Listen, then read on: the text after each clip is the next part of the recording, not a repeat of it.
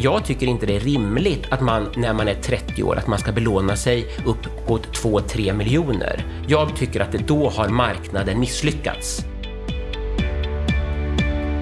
Är det snarare ett marknadsmisslyckande än ett politiskt misslyckande att vi har en situation där kreditrestriktionerna utestänger många från att ta sig in på bostadsmarknaden? Eller vad menar Johan Löfstrand egentligen? Ja, vi har nu kommit till det fjärde och sista avsnittet där vi möter våra åtta riksdagspartier. Och idag är det våra två regeringspartiers tur där vi möter de bostadspolitiska talespersonerna Johan Löfstrand och Emma Hult. Ett samtal som Lennart Weiss kommenterar med att ja, om det är så att marknaden har för stort utrymme, vad är då det politiska svaret? Vad han menar med det, det får ni höra senare i programmet. Ja, varmt välkommen till ännu ett Bopolpodden som programleds av mig, Anna Bellman. Och jag hoppas att du kommer att gilla det här programmet, samtalet och den vassa kommentaren efteråt lika mycket som jag gör. Först börjar vi med veckans Aktuellt.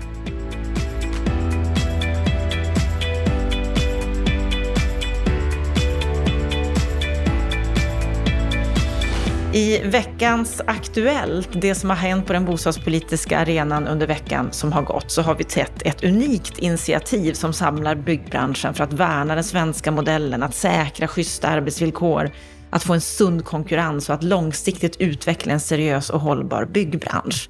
För en vecka sedan, i fredag, så lanserades nämligen Byggmarknadskommissionen. Vad är detta, Lennart Weiss?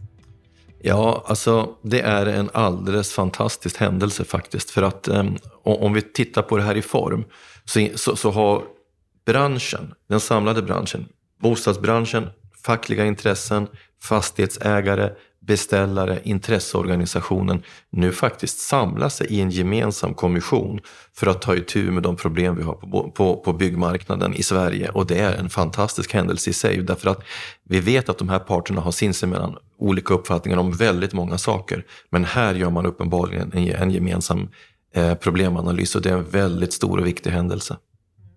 I den här artikeln som vi kunde, vi kunde läsa många artiklar om, om just det här, men i DN så var det en debattartikel för en vecka sedan i fredags från bland annat då Stefan Attefall som leder den här kommissionen, Katarina Elmsäter-Svärd som är vd för Sveriges Byggindustrier som nu har blivit Byggföretagen och Johan Lindholm som är ordförande för Byggnads. Och där skrev man så här, att i våra nordiska grannländer är det påtagligt hur frågor kring brottslighet på byggmarknaden prioriteras på den politiska agendan i betydligt större utsträckning än i Sverige. Varför är det så svagt intresse från våra politiker här? Oj, det, det, det, finns flera skäl till det, men jag skulle säga att vi har i Sverige varit otroligt naiva när det gäller följdkonsekvenser av olika slag av, av den eh, fria marknaden som vi har inom EU-systemet.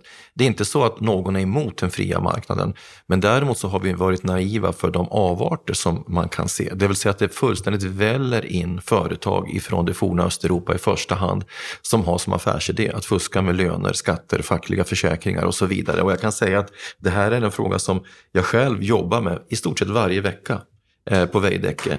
Eh, trots att vi har förmodligen branschens mest rigorösa system, vi har UE i två led, vi har ett samarbete med de fackliga, vi har arbetsplatsinspektioner, så har vi också problem.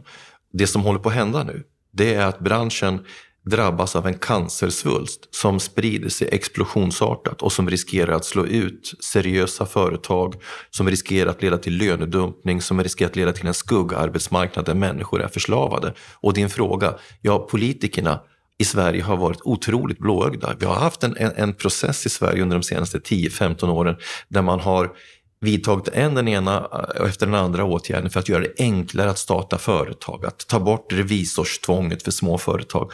Man har helt naivt öppnat för kriminalitet inom välfärdssektorn, byggsektorn, servicesektorerna och jag skulle säga att svenska politiker sover fortfarande i stor utsträckning törnrosasömn jämfört med hur det är i Norge, Finland, Danmark.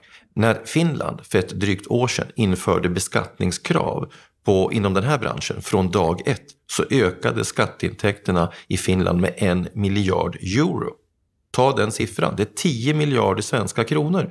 Det sätter någonstans ett perspektiv på hur omfattande det här fusket är. Och jag kan säga själva, jag menar vi tjänar 1,5 procent på omsättningen i vår byggverksamhet. Förmodligen så är vår lönsamhet mer än halverad till följd av att anbuden idag pressas utav rena skurkföretag. Så det är en fantastisk händelse att eh, fack, bransch, intresseorganisationer nu tar ett gemensamt grepp med syfte att komma med förslag, förbättrad myndighetssamverkan, ändrad lagstiftning, eh, hårdare tryck mot de andra EU-länderna så att de faktiskt gör det EU-lagstiftningen förpliktigar, för, för, för, förpliktigar dem till.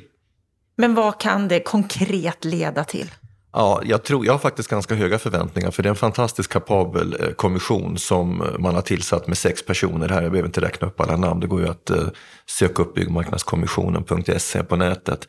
Men jag tror att eh, de kommer att spela en stor roll med att kartlägga situationen, att opinionsbilda genom att ge ut ett antal rapporter och seminarier, genom att träffa våra myndigheter och tillsammans med dem diskutera problembilden, eh, pola ihop olika intressenter till en diskussion och sen leverera ett slutbetänkande, ungefär som vilken statlig utredning som helst med syftet att, att föreslå ändrad lagstiftning eller ändrad praxis eller vad det nu är. Så jag har faktiskt stora förväntningar. Vi får se vad som kommer ur det här. Det har ju bara precis lanserats och påbörjats. Och sen en annan fråga under veckan som har gått, så är det ju en diskussion som man kan säga lite grann ständigt puttrar, i alla fall den senaste tiden, när det gör, rör delar i januariöverenskommelsen som rör hyrorna. Vad är det som händer där? Ja, först en allmän iakttagelse. Det skrivs ju artiklar eh, utav politiska kommentatorer just nu varje vecka om att eh, januariöverenskommelsen sakta smulas sönder. Oppositionspartierna tar varje chans att göra, rikta nålstick mot januaripartierna genom att ta eh, enskilda beslut i riksdagen som desavouerar överenskommelsen. Och den eroderar också inifrån på olika punkter. Vi vet att man inte egentligen är överens om att luckra upp eh, lagen om anställningsskydd och när det gäller hyrorna så råder ju ingen större principiell enighet heller. Det jag har noterat här sista veckan det är ju att eh, eh framförallt folk, jag vill säga, Liberalerna genom Robert Hanna eh, har varit ute i debatten eh, på Twitter men också i andra sammanhang och kommenterar den här punkten. Man kan säga så här att Socialdemokraterna och Miljöpartiet är nog beredda att fullfölja överenskommelsen i så mått att, att man, man skapar ett, ett, ytterligare en modell inom hyresförhandlingssystemet som möjliggör marknadshyror i nyproduktionen. Men, men de är ju inte inriktade på att riva upp partsmodellen, den grundläggande modellen för hur hyresmarknaden ska fungera. Men det jag ju ser det är att eh, Liberalerna väldigt tydligt menar att det som står i januari, januariöverenskommelsen är första steget mot en ny typ av delad hyresmarknad där vi ska ha marknadshyror i den ena delen och, och någon typ av sociala bostäder med politiskt satta hyror i den andra. Jag var själv i en diskussion på Twitter med Robert under veckan och jag upplever att han verifierar det jag säger och han får stöd av fastighetsägarna. Det här betyder att eh, eh, handsken är kastad skulle jag säga. Eh, det, det, det, den, det tryck som finns från Hyresgästföreningen idag, det kommer att öka och det kommer att öka trycket på Socialdemokraterna framför allt. Och jag tror att de kommer få väldigt stora bekymmer med att eh, infria den här punkten i januariöverenskommelsen. Vi får följa den här punkten och många andra punkter i januariöverenskommelsen inför valet. Vi har ju två och ett halvt år kvar innan vi har val igen, två och ett halvt år, där vi får se om hela januariavtalet blir förverkligat. Stort tack för veckans Aktuellt.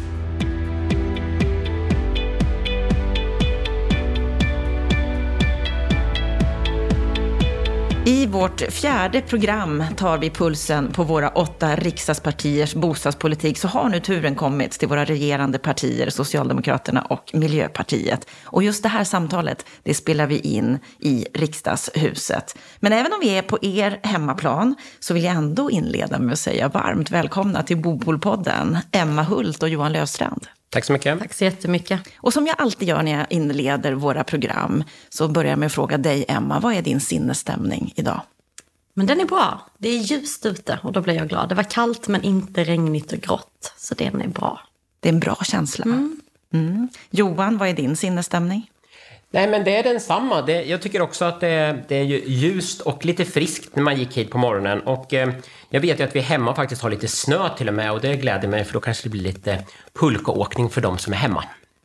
Eh, börja med att eh, presentera dig lite grann. Emma, du är bostadspolitisk talesperson för Miljöpartiet. Du är också ordförande i riksdagens civilutskott. Talesperson också för hbtq-frågor och för idrottspolitik. Riksdagsledamot från Jönköping. Jajamän. Byggnadsingenjör i Ja. botten. Du har många saker på din lista. Ja, det har jag. Längst listan när man eh, dör vinner brukar man säga. Ja. Inte riktigt så. Jag hoppas kunna få leva på vägen. Nej, men det är mycket saker på min lista. Hinner du, hinner du fokusera på bostadsfrågorna? Ja, bostadsfrågorna är ju det som, som kommer... Ja, nu kanske man trampar någon på tårna, men det är ju det som ligger först. Som ordförande i det utskott som hanterar bostadspolitiken så är det ju det som ligger i centrum. Men det går att kombinera ganska bra med andra saker också. Får du utrymme att driva di- din roll i bostadspolitiken även om Bolund är bostadsminister? Jag skulle säga att vi arbetar som kollegor. Och han måste ju ha med sig partiet i det han vill driva i regering. Och då är det ju jag som är vägen in att få med sig partiet. Johan Löfstrand, du är bostadspolitisk talesperson för Socialdemokraterna, gruppledare för Socialdemokraterna i civilutskottet och riksdagsledamot från Östergötland. Statistiker i botten. En viktig parameter.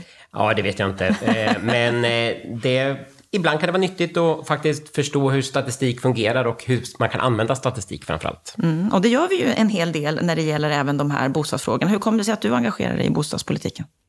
Nej, men för mig är ju bostadsfrågan en oerhört viktig del i samhällsbygget. Eh, Jag brukar ju säga att, att bostadspolitik är nästan som det fjärde välfärdsbenet. Om människor ska kunna, kunna leva ett bra liv så handlar det om att ha en god bostad och, och därför så, så, så är det här ett viktigt politikområde. Om vi ska börja med att sätta grunden, vad ser ni som det största problemet med bostadsmarknaden idag? Den absolut största utmaningen är ju att det finns människor i vårt land som inte har ett tryggt hem, skulle jag säga. För de absolut flesta har ju ändå tak över huvudet, även om det finns en grupp som inte har det heller. Och det är också en oerhört stor utmaning. Men, men ett, ett tryggt hem där man har ett kontrakt som man vet eh, finns kvar, eh, även några månader bort. Eller för den delen ett, ett hem där man inte bor trångt eller väldigt dåligt. Och det är ju den största utmaningen vi har. Och vi ser ju också att det drabbar de med svagast ekonomi. De har det absolut tuffast på vår bostadsmarknad. Eh, Och det är en oerhört stor politisk utmaning. Vad ser du Johan? Nej, men jag håller med Emma. Den sociala dimensionen tror jag är en av de absolut största utmaningarna vi står inför. Det handlar ju om att människor måste ha ett tryggt hem. För att har man ett tryggt hem så kommer man också våga satsa på utbildning, att ha ett arbete och så vidare. Det som jag ser som, som en av de viktigaste utmaningarna förutom det, det är att jag tycker att, vi, att marknaden under ett antal år är de som fått styra väldigt stor del av, av samhällsbygget. Eh, Eh, man har snarare sett till vem kan bygga en bostad här. Jag tror framgent att vi måste bygga smarta samhällen och smarta bostäder och då tror jag det kommer finnas andra parametrar som är minst lika viktiga än bara liksom marknadskrafterna. Eh, för att vi måste bygga mer, men vi måste också bygga smart och det måste både vara social, socialt hållbart och ekologiskt hållbart. Och det är nästa utmaning, för vi har idag för få bostäder och vi har en, en samhällsstruktur som inte är anpassad för ett hållbart samhälle. Du sa i en intervju med Mäklarpodden att om jobben är viktiga så anser vi att bostäder är en minst lika viktig fråga. Märks det i er politik, tycker du, att ni fokuserar tillräckligt på den här frågan? Man kan väl alltid diskutera om vi fokuserar tillräckligt. Under den förra mandatperioden så gjorde ju regeringen en av de absolut största satsningarna i modern tid. Vi la la nästan 6 miljarder årligen för att stimulera kommuner i deras byggande, för att ge bättre möjligheter att bygga hyresrätter eh, och ett antal andra incitament. Eh, men den diskussionen som vi har nu är ju att vi måste lyfta den sociala dimensionen ytterligare. Vi måste se till att alla tar ansvar. Idag kan man säga att jag tycker att en av de stora utmaningarna är att vissa kommuner tar ett väldigt mycket större ansvar än andra kommuner. Och framgent så måste nog alla kommuner gemensamt ta det här ansvaret. Det tror jag är en, en stor utmaning framgent. Mm, för det ligger inte bara på er som regering, utan en stor del av jobbet är också hos kommunerna. Vi ska återkomma lite till det, men först prata om att ni har fått rött kort av svenska folket. För ett par veckor sedan så kom en undersökning från Novus som har ställt frågor till 2000 hushåll i Sverige. Där man säger att regeringen och samarbetspartierna får rött kort av svenska folket när det gäller just bostadsfrågorna. Och man tycker, sju av tio tycker att man borde satsa betydligt mer och agera mer för att förbättra bostadsmarknaden. De har lågt förtroende för er idag. Hur ser ni på att ni har så lågt förtroende ifrån svenska folket? Vad säger du, Emma? Jag tror att politiken generellt har ett lågt förtroende i de här frågorna. Och det handlar ju om, som jag började med, så länge det finns människor som inte har ett tryggt hem, unga som inte kan flytta hemifrån eller nyanlända som tvingas bo väldigt trångt när, de, när deras barn kommer hit. Då blir det ju såklart ett, ett, ett misstroende när man ser att det, alltså, det är klart, när det numeräret av människor som hamnar i kläm blir större, då är det också fler som påverkas. Och jag ser väldigt allvarligt på det. Men det är ju inte bara för att vi har fått rött kort för politiken vi gör, utan för att vi inte har löst situationen. Och det är ingenting man gör på en mandatperiod eller två, utan det här är ett strukturellt problem som har funnits länge. Eh, vi vet att en planprocess kan ta ganska lång, många år och vi vet att det tar tid att bygga. Och det är klart att vi behöver ju ha ett, ett, en politik, och det är också den vi driver, som över lång tid ska ge de här lösningarna. Men vi har akuta problem också. Jag tycker att Emma beskriver det här bra, för det i grund och botten handlar det om människors oro för att få en bostad. Och ska jag fylla på där så kan man säga att den utmaning som jag tror finns, det är ju att i, i den, den parlamentariska situationen just nu gör ju att vi befinner oss i ett läge där, där det inte finns en tydlig liksom, eh, riktning kring vart vi ska gå. Alltså jag tror i väldigt stor utsträckning att vi skulle behöva genomföra ett antal grundläggande reformer som handlar om att skapa social trygghet. Eh, men väldigt mycket av, av av den, det som kommer ut i dagens politik, delvis kanske i januariavtalet men även på andra ställen, är ju att man ska gå mot ytterligare liberaliseringar. Och jag är inte säker på att det alla gånger är lösningarna.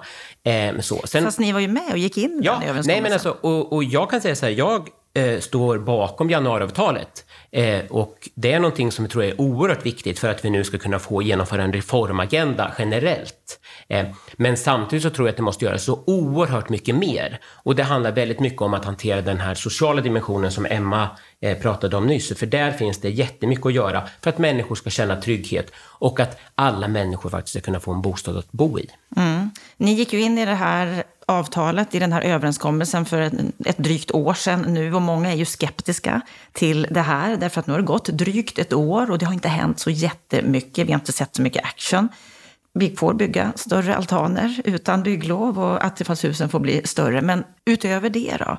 Vi ser att många av utredningarna de är inte på plats fortfarande och då vet vi att efter utredningstid så ska de remissbehandlas, det här ska leda till propositioner till riksdagsbeslut. Finns det en risk här att det ni faktiskt kom överens om, den linjen ni stakade ut för ett drygt år sedan, att det inte kommer att uppfyllas under den här mandatperioden? Från regeringens sida, om man nu ska liksom klä på mig någon typ av regeringsföreträdarhatt, så kan man säga att vi har ju varit väldigt tydliga med att för oss är det viktigt att vi införlivar hela januariavtalet. För det här är ju en, en samlad, liksom, ett samlat koncept där vi har sagt Socialdemokratin tillsammans med Miljöpartiet tillsammans med Centrumliberalerna sagt att nu ska vi genomföra de här punkterna. Eh, och då är det ju viktigt att vi hanterar både de som är tidsatta men också de som inte är tidsatta. Och nu så kommer vi så småningom här, jag tror att inom en ganska snar framtid så kommer några av de här utredningarna tillsättas och sen så handlar det om att effektivt och snabbt jobba fram ett antal förslag. Eh, men samtidigt är det viktigt att vi också från regeringens sida tar tag i de frågorna till kring till exempel en, en ny skatteöversyn. Där jag tror att en, en mer jämlikt skatteuttag kan vara en oerhört viktig parameter för att få en, en fungerande och mer rättvis bostadspolitik. Så att det finns många olika delar i januariavtalet som är viktiga för att vi ska kunna liksom nå både en god bostadspolitik, men framför allt för att vi ska liksom skapa en god grund för en, ett, ett fortsatt regeringssamarbete även nästa mandatperiod. Mm, men när det gäller just det här med att ni är försenade, att ni inte har tillsatt utredningar och så vidare, så sa du Johan till Hem och Hyra eh, för en liten stund mm. sedan att ingen utredning har tillsatts. Socialdemokraternas Johan Löfstrand tror inte att tidplanen håller. Allt är försenat. Kommer ni hinna? Vi har ju sagt att vi ska hinna och eh, ja, tidsplanen är försenad, det är ingen snack om saken. Den här skulle ha tillsatts innan jul, nu kommer den tillsättas efter jul. Eh, jag tror i väldigt stor utsträckning att eh, hittar man en bra utredare så klarar man, kommer man kunna hantera det ändå. Men, men som sagt var, man ska ju också vara medveten om att det är väldigt komplexa frågor. Men, men vår ambition är ju att vi ska hinna. Emma Hult, är det här något som oroar dig? Nej, det finns större orosmoln mm. på min himmel än att vi ska hinna tillsätta de utredningar vi har ja, lovat. Men att ni inte gör och det, det ni har lovat och det men, kommer Men så här, januariavtalet är inte den enda politiken regeringen bedriver. Den aspekten får man inte glömma. Januariavtalet är den överenskommelse vi har med Centerpartiet och Liberalerna om en rad reformer som ska genomföras. Men parallellt med det bedriver regeringen ett fortsatt arbete. Det vi inledde förra mandatperioden när Miljöpartiet tillsammans med Socialdemokraterna bildade regering i den konstellationen för första gången. Och det arbetet löper ju på. En hel del av de utredningar vi tillsatte förra mandatperioden har ju levererats och nu håller vi på att göra politik av det. Det handlar om modernare byggregler och det handlar om andra översyn av regelverket. Men eh, jag vill bara, i, där vi var lite tidigare, för Johan nämnde också ja, men, eh, vem som ska bygga och hur vi ska bygga. Men vi måste också hela tiden, och det tror jag vi behöver bli bättre på generellt i debatten, vem är det då som ska bo i det här vi bygger? För vi kan stå och prata hur mycket som helst om hur vi ska bygga och vad vi ska bygga. Men vi måste se till de individer som ska kunna bo där. Och det har vi inte gjort och därför tror jag också vi har hamnat i den situationen som vi är i idag. Mm. Efter valet när ni bildade regering så var det ju många som välkomnade att Per Bolund fick den dubbla rollen som både bostadsminister och finansmarknadsministern eftersom finansfrågorna ofta har ju saknats i debatten och i besluten. Men med facit i hand nu så finns det en del kritik mot det här. Många menar att men han tar ju bara finansmarknadsrollen på all, allvar. Han missar bostadsministerrollen. Kan ni, kan ni förstå den kritiken? Absolut inte. Mm. Alltså det är min spontana eh, kommentar på det. Och det handlar ju om, vi ser ju det arbete som görs. Men det är ju också i en tid när vi har ett svårt parlamentariskt läge och faktum är, regeringen bygger inga bostäder. Det är inte regeringen som utför de jobben, det är inte regeringen som gör de beställningarna. Eh, men eh, Per tar absolut den rollen eh, med lika stort engagemang och ansvar. En stor del av kritiken rör kreditrestriktioner. Att han håller fast vid dem, att ni gör det från Miljöpartiets sida också. Vi har ju otroligt många experter och analytiker och, och proffs när det gäller vår ekonomiska situation som har kommit fram med utredning på rapport på utredning som säger att kreditrestriktionerna det är en av de största problemen med vår bostadsmarknad idag. För precis som ni säger, de som behöver någonstans att bo, det är de som stängs ute idag. Nej, men eh, jag, jag, tycker, jag tycker också att, att Per Bolund eh, hanterar hela sin portfölj på ett väldigt bra sätt. Eh, nu har ju också statsministern bjudit in till, till bostadspolitiska samtal med branschen där man kommer diskutera de här frågorna och där Per Bolund kommer vara med. Där kommer finansieringsfrågorna vara en av de eh, frågorna som kommer, man kommer diskutera i, i de här samtalen. Det som jag tycker är viktigt att ta med sig är att finansieringsfrågor är självklart viktigt och man kan diskutera amorteringskrav eller inte amorteringskrav. Men i grund och botten så är det så att det finns väl inget parti idag, jag vetligen, som vill göra några stora förändringar. Och det är väl det som visar på den komplexitet. Vi har ett ganska svajigt politiskt liksom, landskap idag och man har väldigt mycket åsikter om olika saker. Men det är ju väldigt få finanspolitiska talesperson personer idag som går ut och säger att man har en helt annan uppfattning än regeringen. Eh, och det visar ju på frågans komplexitet. Jag tror mycket väl att man kan fundera på hur ska vi ge människor större möjligheter att kunna efterfråga en bostad. Jag tror att vi behöver titta över de, de möjligheterna. Men man ska nog vara väldigt medveten om att den finansiella stabiliteten i den, i, den världs, i den världsläge vi befinner oss i just nu är någonting som jag tror att de flesta seriösa partier idag värnar. Och därför så är det inte så enkelt att säga att man bara ska göra det ena eller det andra, utan jag tror att det krävs en analys. Mm, och den analysen är det ju väldigt många som har gjort och som menar att hushållens skulder är inte lika stora som de inkomster som finns om, om, om, om vi räknar på det här. Och att kreditrestriktionerna och framförallt kanske det andra amorteringskravet slår så otroligt hårt. Varför håller ni så hårt fast vid det här när det är så många som stängs ute? Därför att det också finns de som menar att hushållens skuldsättning ökar. Och vi, I den tid när det infördes eh, så måste vi också titta på, det är klart att om jag bara hade varit bostadspolitiker, om jag bara hade sett till bostadsfrågorna, då hade jag kanske sagt att det är klart att kreditrestriktionerna och ett andra amorteringskrav inte är det jag önskar mest av allt. Men om man ser till att den utmaning vi hade var extremt skenande priser på bostadsmarknaden. Och vi ska också komma ihåg att ju högre bostadspriset blir, ju större blir ditt amorteringskrav. För ju dyrare bostaden du köper är, ju mer måste du ta amortera av. Det blir ju liksom en effekt av det. Och då är det ju så att vi lyckades ju faktiskt bromsa den utvecklingen, prisutvecklingen. Jag har svårt att se något annat än möjligtvis eh, ett förändring i ränteavdraget som skulle kunna leda till. Och där fanns det inte den politiska enigheten. Men jag tycker att vi nu då, när vi har lyckats vad ska man säga, bromsa tillbaka prisutvecklingen, har börjat gå framåt lite igen men inte i den eskalerande fart som vi såg under en tid. Jag kan ju bara jämföra med Jönköping där priserna gick upp med 60 procent på bara, alltså Det var helt, helt galet. Eh, där vi behöver se till de grupper som nu då hamnar i kläm. Alltså hur ska vi hjälpa nyanlända att kunna köpa en bostad? Eh, hur ska vi kunna hjälpa de unga att få tag att kunna köpa en bostad? Och Johan var inne lite på den eh, liberala politiken som bedrivs. Ja, om vi då ska se till individen så ska vi ge individen rätt förutsättningar. Men att vi ska driva på för att hushållens skuldsättning ska öka eh, i den takt som det gjorde, då måste jag ta ansvar för hela politiken. Då kommer också de finansiella och Men tittar ni på och lyssnar på de här experterna som gör sina utredningar och som räknar på det här och som gång på gång på gång visar att det där stämmer ju inte? Fast, fast jag tror att, jag tror att det, det finns ju bedömare på båda sidorna. Eh, och eh, politiken har ju ett helhetsansvar. Och precis som jag sa Eh, eh, så är det ju så att idag så tror jag att det finns väldigt få finanspolitiska talespersoner som, lägger konkret, som har ett konkret förslag på ett annorlunda, en annorlunda lösning. Och det visar ju på att det inte är så enkelt att, vrida i regelverken och uppnå den optimala, eh, den optimala lösningen. Jag håller med Emma. Det är mycket väl så att man, man kan fundera på den exakta liksom, tiden som de olika amorteringskraven infördes på och så vidare. Och så vidare. Men i grund och botten hävdar jag att principen av att man ska amortera sina lån är väldigt, väldigt viktig och någonting som jag tycker att vi ska främja även framgent. Och Trots jag, och, att den slår mot de som nu inte kommer in på bostadsmarknaden, ja, de som ni säger att ni värnar? Ja, fast om man ska vara lite krass så är det så att det vi nu pratar om, det är ju en etablerad medelklass vars barn har väldigt, väldigt svårt att köpa en lägenhet i Stockholm för 3 miljoner.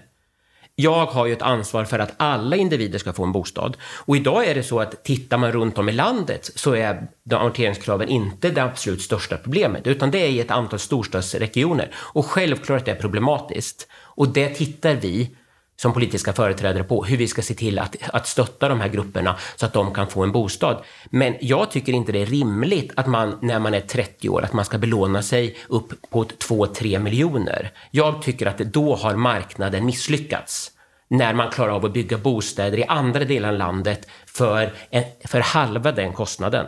Då så tycker jag att det är snarare ett marknadsmisslyckande än ett politiskt misslyckande. Så det är marknaden som misslyckas här? Jag tror i grund och botten att det handlar om att utbudet på bostäder är alldeles för lågt på grund av att bostaden inte är som vilken vara som helst. Och jag tycker att vi självklart måste se till att alla individer kan efterfråga en bostad och jag tror att vi så småningom kommer titta på hur man kan se till att, att hantera amorteringskraven. Men jag tycker att situationen i Stockholm och i Stockholms liksom city det ska inte vara det som sätter normen för vilken politik som ska sköras i resten av landet. Och så blir lätt debatten idag. Så kreditrestriktionerna, de kommer ni hålla fast vid som det ser ut idag? Johan nämnde tidigare att vi ska göra en stor skatteöversyn. Jag tror mm. att det är en lång rad delar. Det, det handlar om bolånetak. Eh, det handlar om möjligheten att låna pengar. Och jag tror att vi har gjort det lite enkelt ska jag säga, men vi har gjort, gjort det enkelt när vi säger att samma regler ska gälla för alla. Och ja, vi lyssnar på de experter som flaggar upp för vissa grupper. Men de flaggar inte upp för grupperna som står längst ifrån bostadsmarknaden. För de skulle aldrig kunna få ett lån. De skulle aldrig kunna få tag i 15 procent för att kunna låna pengar till att köpa en bostad. Så det är inte så att vi inte värnar om de grupperna eh, som absolut står längst ifrån bostadsmarknaden. Utan det handlar ju om att vi behöver bredda blicken lite och se, vi behöver olika lösningar för olika grupper. Men vi kan inte landa i en, en slutsats där alla ska kunna köpa sin bostad. För den ekonomiska situationen vill jag inte utsätta Sverige för.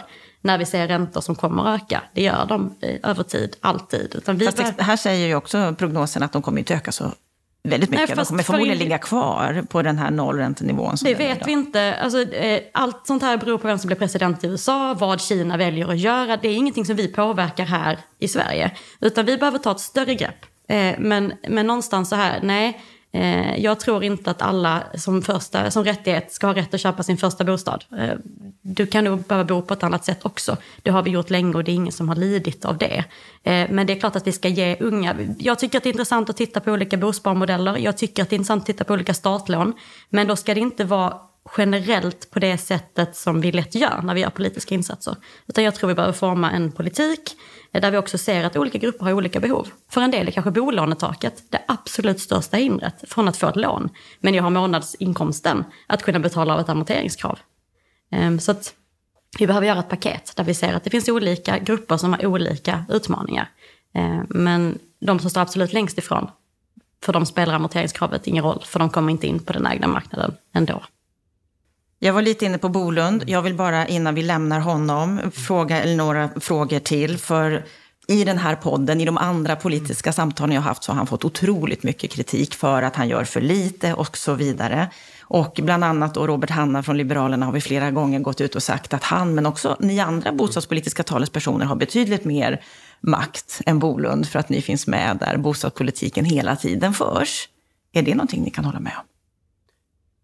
Jag, jag, har inte, jag, jag, förstår inte hans resonemang. I, I grund och botten så tycker jag Per Bolund är, är väldigt, väldigt aktiv på den här arenan och syns och hörs på ett mängd olika sätt. Och ja, min bild är väl att han har ganska stort inflytande. För det första har han hela Finansdepartementet till sitt förfogande, eh, vilket gör att han har ett, ett analysverktyg som, som vi som riksdagsföreträdare inte har.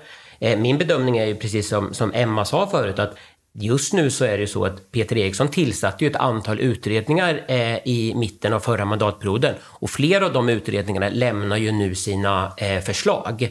Eh, Modernare byggregler kom bara för några veckor sedan som en helt omvälvning av hela liksom byggreglerna och på många sätt kommer, kommer förenkla och göra det mycket, mycket enklare att bygga på. Vi sitter nu i riksdagen och hanterar en en, en fråga och en proposition kring, kring en ö, förändrad syn på översiktsplanering, vilket kommer underlätta eh, väldigt, väldigt mycket.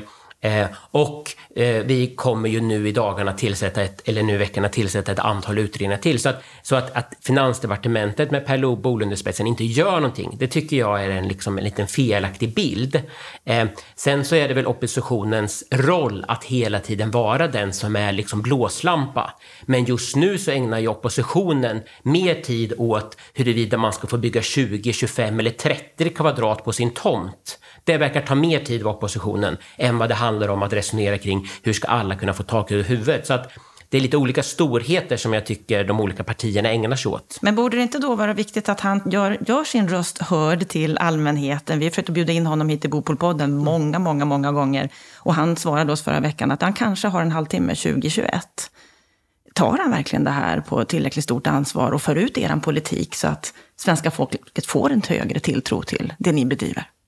Ja, det gör han. Eh, och det är också, att, att, vara statsråd är ju ett uppdrag där man inte styr över sin kalender själv, vill jag bara någonstans säga. Det finns andra som gör det åt en. Och eh, jag hoppas såklart att han kan vara med i podden och jag hoppas att det finns en halvtimme 2021. Jag hoppas eh, det finns det 2020. Ni har ju en halvtimme över. Knappt va? Det var svårt att få ihop den här tiden också kan vi konstatera. Ni sa ja direkt i alla fall. Ni ja, absolut, mm. absolut. Men vi har också en helt annan roll. Eh, och ja, det är så såklart att vi påverkar politiken oerhört mycket. Men Per Bolund har givetvis en ännu större påverkansmöjlighet. Och, och, faktiskt med sin placering på Finansdepartementet hoppas ju jag att han och Magdalena Andersson slår sina två kloka huvuden ihop för att få till en finansiellt fungerande bostadsmarknad. Och jag måste också bara säga, det är klart att oppositionen tycker att han gör för lite. Det är ju oppositionens roll. Vi var ju precis likadana när vi satt i opposition och det är ju det det handlar om. Men det görs väldigt mycket. Det har byggts otroligt mycket de senaste åren. Och nu ser vi en liten, liten tendens till att det ska börja byggas mer igen. Och det är ju oerhört glädjande. Och det handlar inte om ett politiskt att eh, politiken har lyckats, utan det handlar om att fler människor ska få någonstans att bo. Och det önskar jag att oppositionen och vi skulle kunna enas om, att det är målsättningen, istället för att sticka hål på olika små reformer kring hur, men som Johan sa, hur stort ska en, en komplementbyggnad få lov att vara och inte. Det är inte det som löser bostadsbristen i Sverige.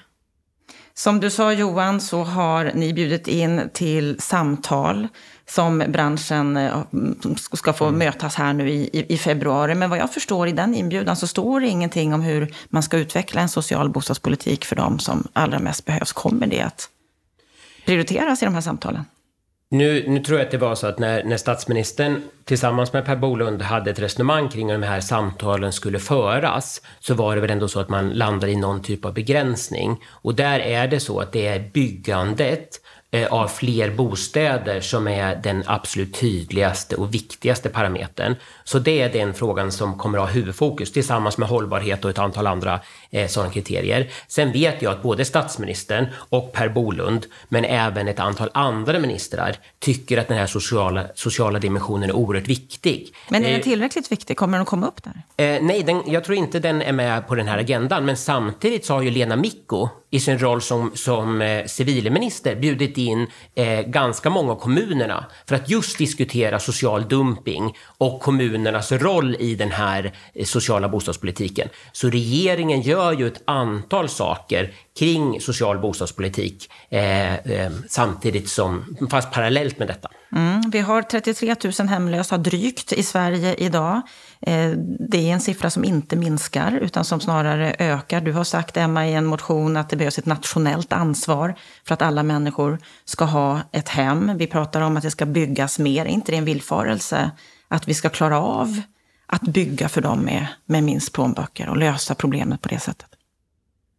Det är ju inte de som kommer flytta in i de nybyggda dyra bostadsrätterna. Och det kan vi väl vara ärliga med. Men förhoppningsvis så skapar det ju en kedja så att det är någonstans i andra änden också Det krävs en flyttkedja för att det ska fungera. Absolut. Men jag tror också att vi behöver fundera över hur de individerna ska ha ett, ett hem. Eh, och hur vi ska lösa det framåt. Jag tror att vi behöver titta lite hur man har gjort i Finland. Där man brett politiskt, från höger till vänster, har enats om en strategi. Och Finland är ett av, ett, nog det enda landet i EU just nu där hemlöshetssiffran minskar. Eh, och jag tycker vi har gett Boverket i uppdrag eh, ganska nyligen att på, hitta nya metoder för att mäta just bostadsbrist. För det är ju en sak att man, eh, man kanske har någonstans att bo, men, men det är knappt som man får ihop pengar till mat för att den bostaden är för dyr för ens plånbok. Och det är också en parameter som vi behöver ta hänsyn till. Och likaså trångboddheten. Det är klart att du kanske har en madrassplats någonstans där du sover och då har du ett hem.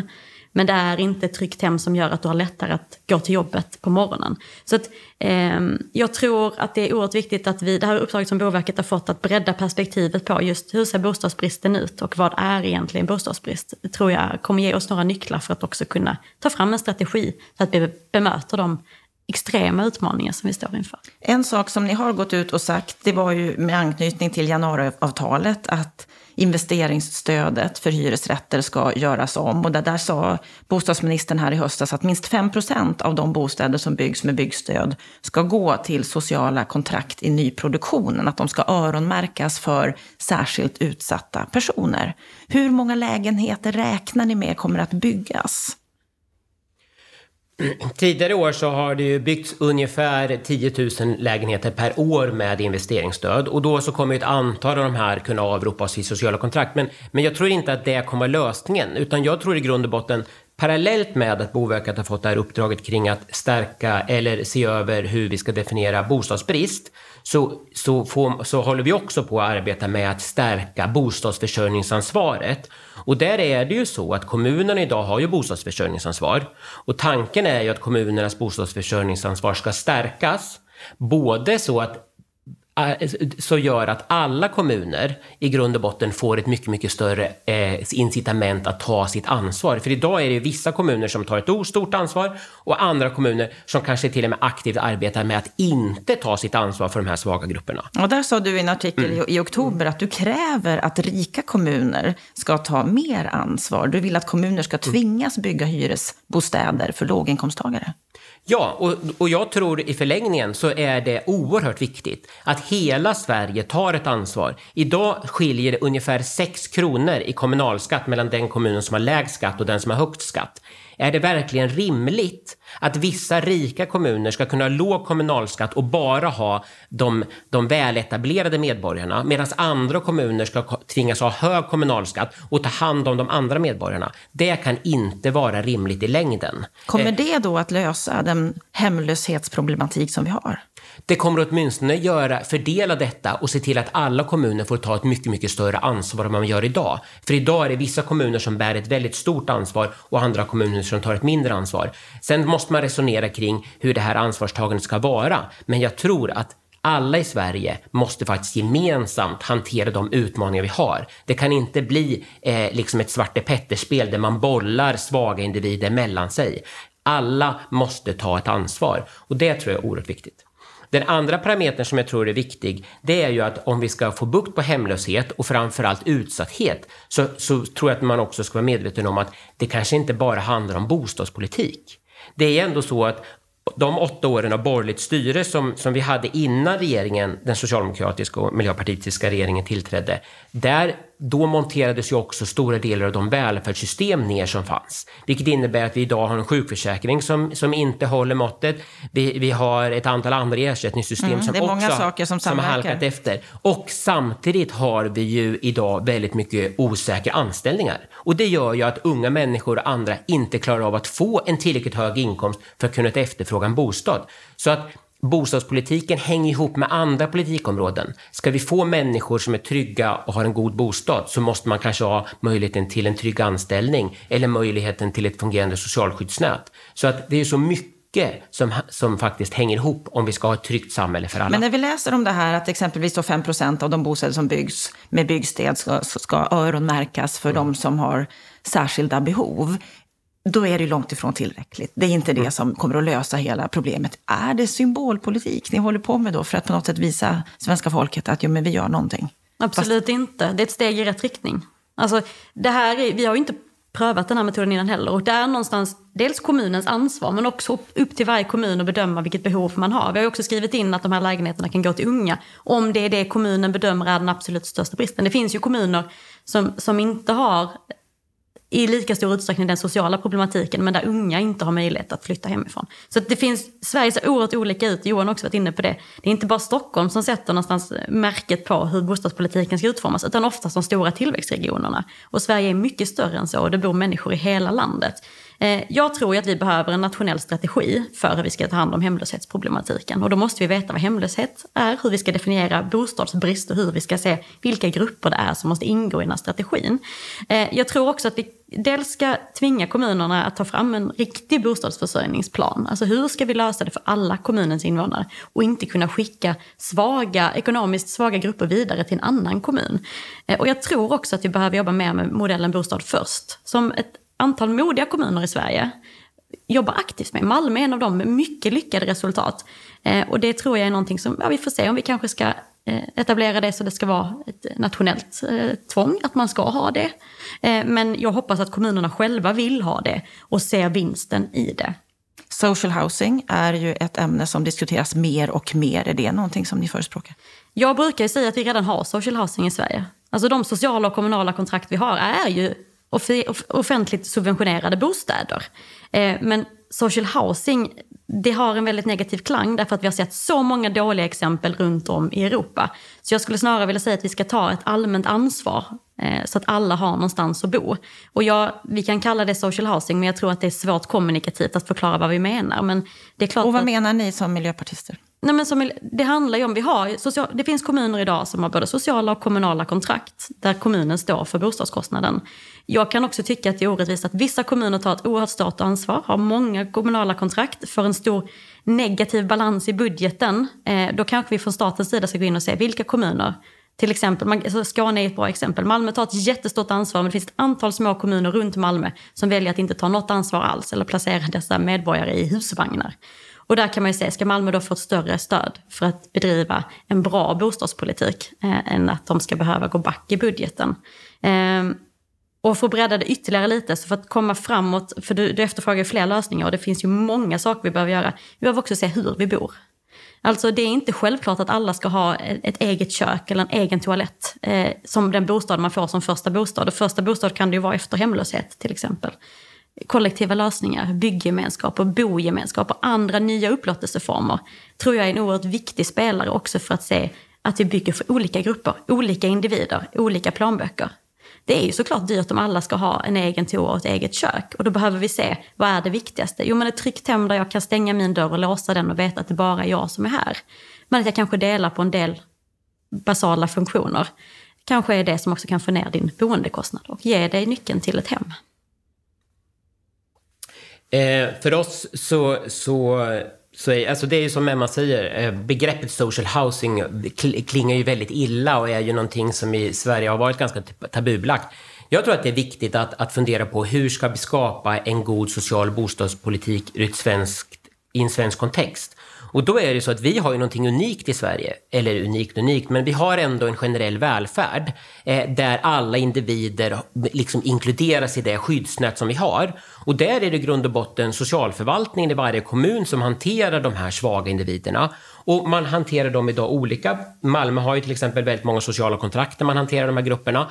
Och jag tror ju i grund och botten att det måste vara så att det måste vara socialförvaltningen i varje enskild kommun som hanterar de utsatta medborgarna utifrån de behov som man har. Och då kommer det ibland innebära att man behöver en bostad, ibland kommer det innebära att man behöver annat stöd.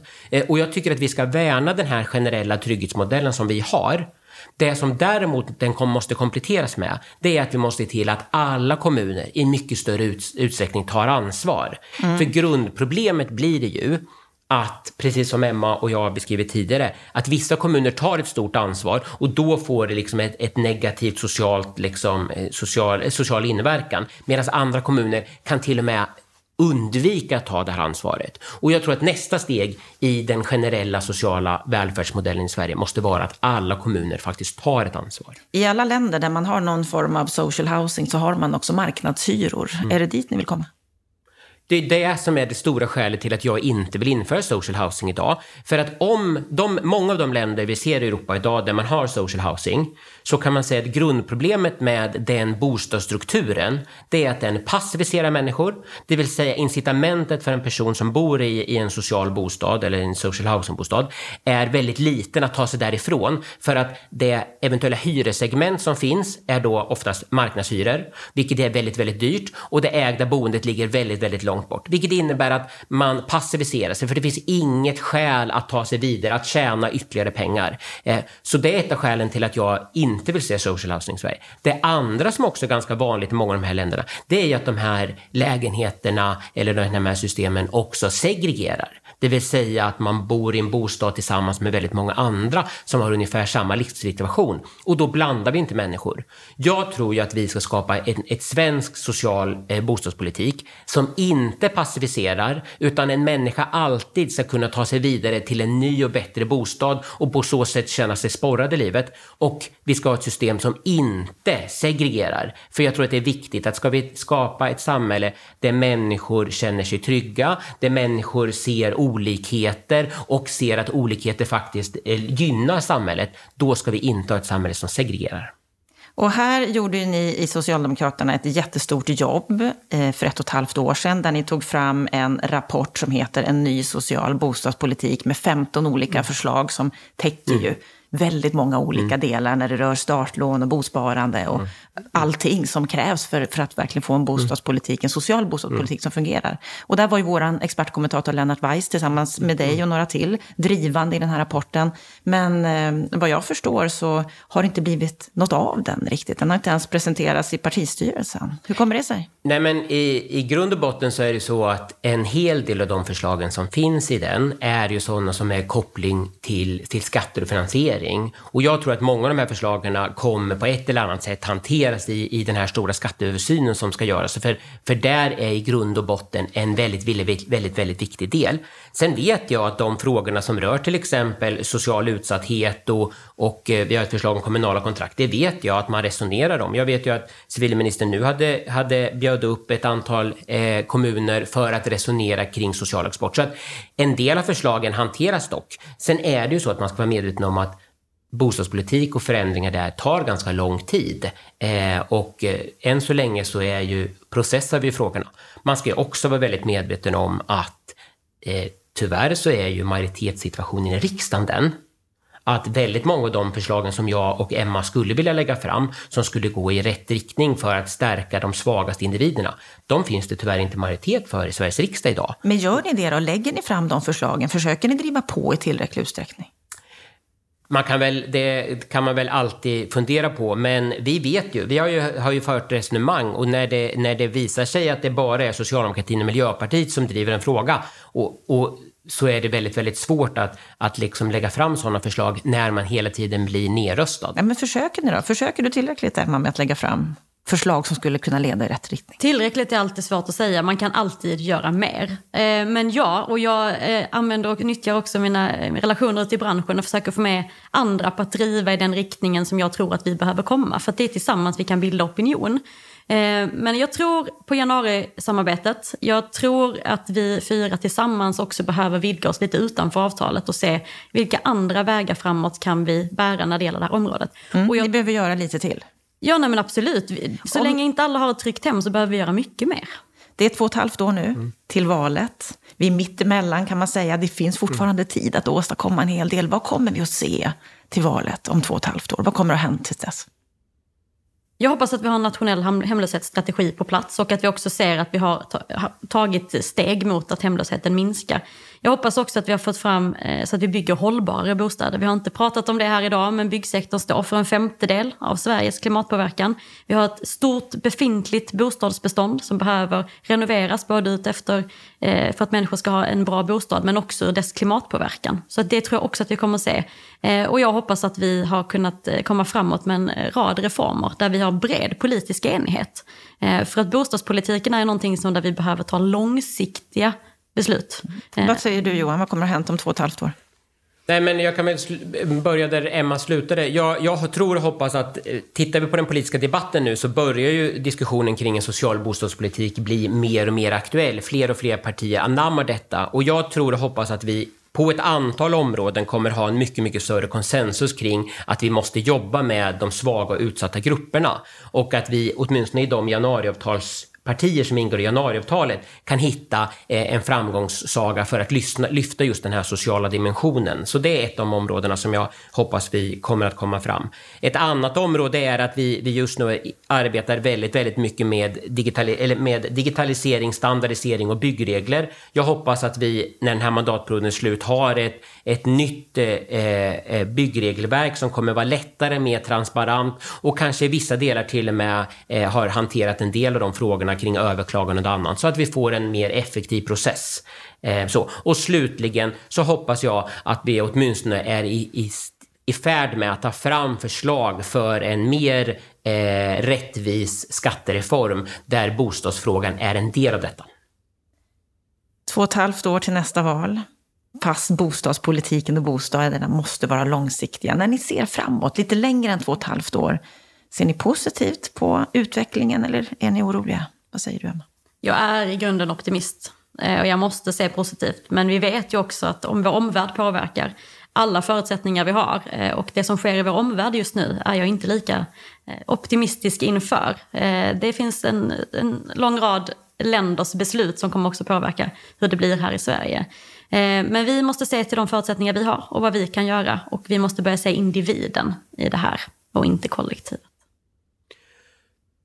Jag gör nog samma analys som Emma. Jag, jag, ser ändå positivt på det. Men tittar vi på omvärlden så finns det ett antal parametrar. Eh, just nu pågår det eh, olika typer av, av nomineringsval, eh, vem som ska bli liksom Demokraternas presidentkandidat. Bara sådana saker och ett eventuellt presidentval framgent kan påverka och många, många andra saker som vi inte vet. Så att den oro i omvärlden vi har eh, är, är någonting som vi måste beräkna och därför tror jag det är viktigt att vi som i Sverige som ett litet exportberoende land se till att ha stabila finanser, en stabil struktur för att det ger oss handlingsutrymme.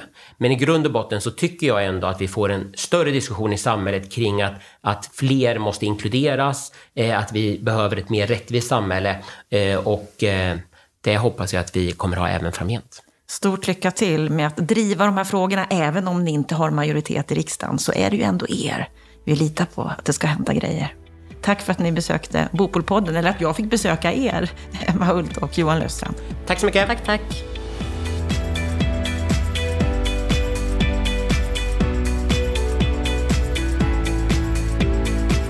Då har vi hört samtalet mellan våra två regerande partier, Socialdemokraterna och Miljöpartiet. Lennart Weiss, vad säger du om det här samtalet?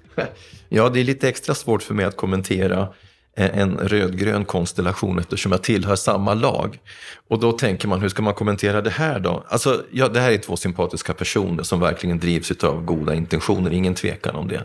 När jag, när jag lyssnar på samtal så får jag en liten känsla av att det är två lätt frustrerade och kanske en aning klämda företrädare. De kläms internt eh, utav olika politiska krafter. Socialdemokraterna utav ett finansdepartement som håller emot. Jag tror att Emma har ungefär motsvarande bekymmer med Per Bolund, även om de håller masken på ett elegant och, och, och ska säga, professionellt sätt. Och, och, så får den här frustrationen också till följd att man viftar lite med armarna. Eh, man slår mot branschen och marknaderna och, och, och, det blir lite floskler ibland. Eh, och där hänger kanske inte logiken ihop riktigt alla gånger. Hur menar du då?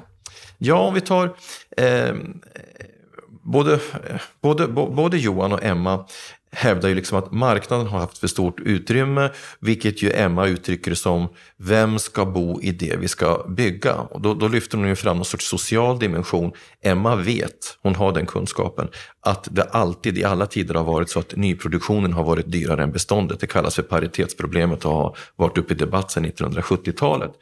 Eh, men när hon sen ska peka på att politiken levererar, då pekar hon på utbudsinriktade åtgärder som just levererar den sortens bostäder som hon alldeles nyss ifrågasatte utifrån prisnivå. Vilket ju betyder att den grundläggande frågan som ju rör vem ska finansiera bostäderna och hur ska bostäderna så att säga bli tillgängliga för olika grupper fortfarande saknar svar. Jag menar, vi vet att det här frågan ytterst smälter ner till, är det hushåll och företag och banker som ska finansiera bostäderna?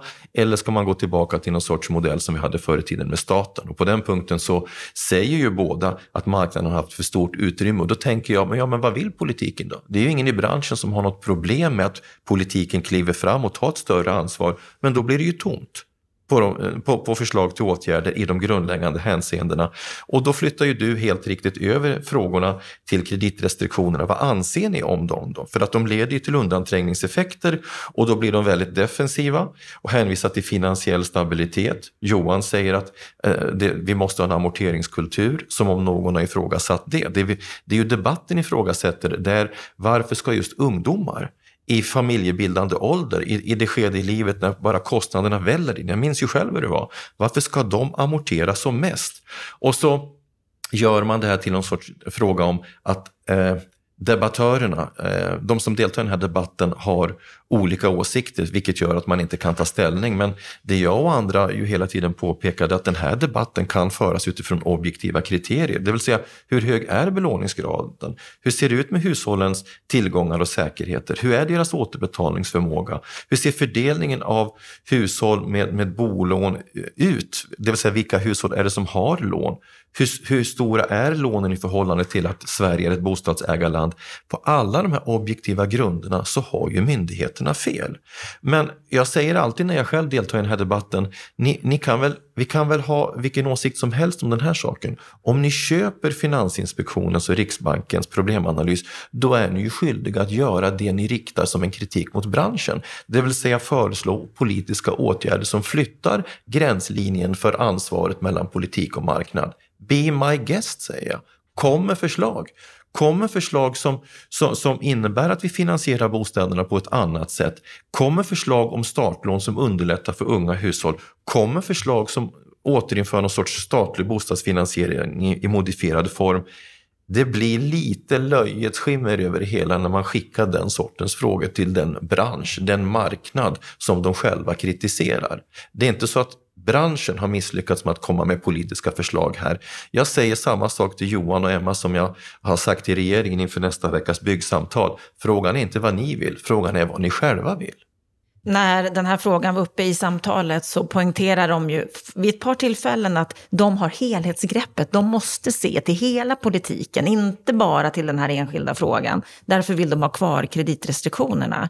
Och om vi ska vara lite självkritiska här, Lennart, du är väldigt tydlig i din ståndpunkt. Många andra debattörer är väldigt tydliga i vad de tycker när det gäller kreditrestriktionerna och att Finansinspektionen och Riksbanken har fel och så vidare. Men om vi ska vara självkritiska, har Emma och Johan rätt här? Att ni inte ser hela bilden, att ni inte tar det totala ansvaret? Nej, jag tycker de har helt fel. Därför att om det är några som har tagit fram beskrivningar utav hela bilden så är det ju vi. Det är vi som har lyft fram vad finansieringen utav 3, 4, 500 000 bostäder innebär. Det är vi som har räknat på vad det skulle kosta att gå över till en modifierad form av statlig bostadsfinansiering som levererar vinhyror. Det är ju vi som pekar på hur man kan införa alternativa lösningar som lättar på trycket på, på systemet och det är vi som dissekerar konsekvenserna av amorteringskrav och annat. Och så säger vi till politikerna, välj. Ni kan ju antingen välja att köpa myndigheternas analys eh, och då får ni vidta kompensationsåtgärder, typ startlån och annat. Eller så köper ni inte deras analys och luckrar upp dem, men de gör ju varken eller.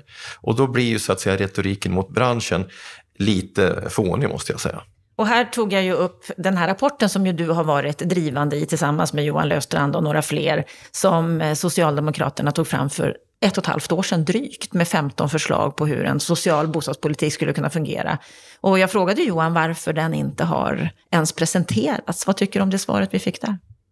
Ja, Johan har naturligtvis ett bekymmer där. Jag, vet att Johan står bakom de här 15 punkterna och han kämpar på bra för att eh, de ska få gehör i olika sammanhang man, kan nog enkelt talat säga så här att Socialdemokraterna har ser inte bostadsfrågan idag som en prioriterad politisk fråga. Johan ser den som välfärdspolitikens fjärde ben. Bra Johan, det, vi är verkligen överens om den saken. Men det är en lång väg att gå innan Magdalena Andersson är där. Eh, utan tvärtom är det ju så att Finansdepartementet är ju i många hänseenden faktiskt eh, den här frågans största politiska problem. Och det är därför som, som, eh, som ju Göran Persson ända sedan han levererade Nybyggarkommissionen 2014 har sagt att frågan måste upp på statsministernivå. Ja, nu 2020 sex år efter så kommer den upp på statsministernivå och vi ska som sagt gå till honom då, till statsministern nästa vecka och prata om de här frågorna. Vi får se vad det kommer ut av det. Tyvärr är jag ganska pessimistisk på medellång sikt. Ja, det låter som verkligen att du hade förväntat dig mer av det här samtalet. Ja, det, det finns ett intressant spår dock i, i samtalet.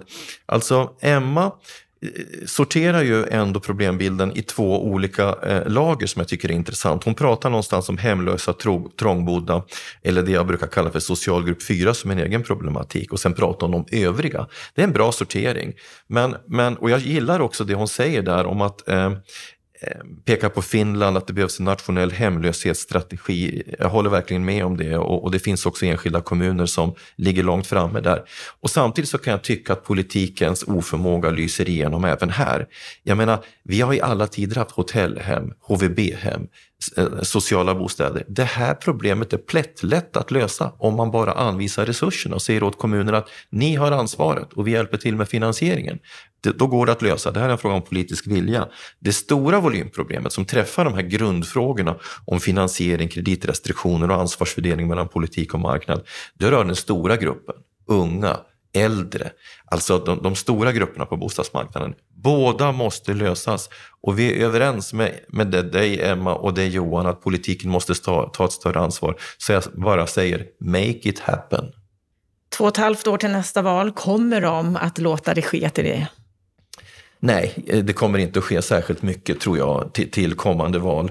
Utan det vi kan hoppas på det är att några av de här utredningarna som tillsätts levererar så pass mycket av problemanalys och att det samtidigt uppstår ett politiskt tryck på utsidan att politikerna inför nästa mandatperiod inser att det är dags att göra någonting. Inför, när det gäller den här perioden så tror jag att det är, blir, återigen blir en förlorad politisk mandatperiod tyvärr.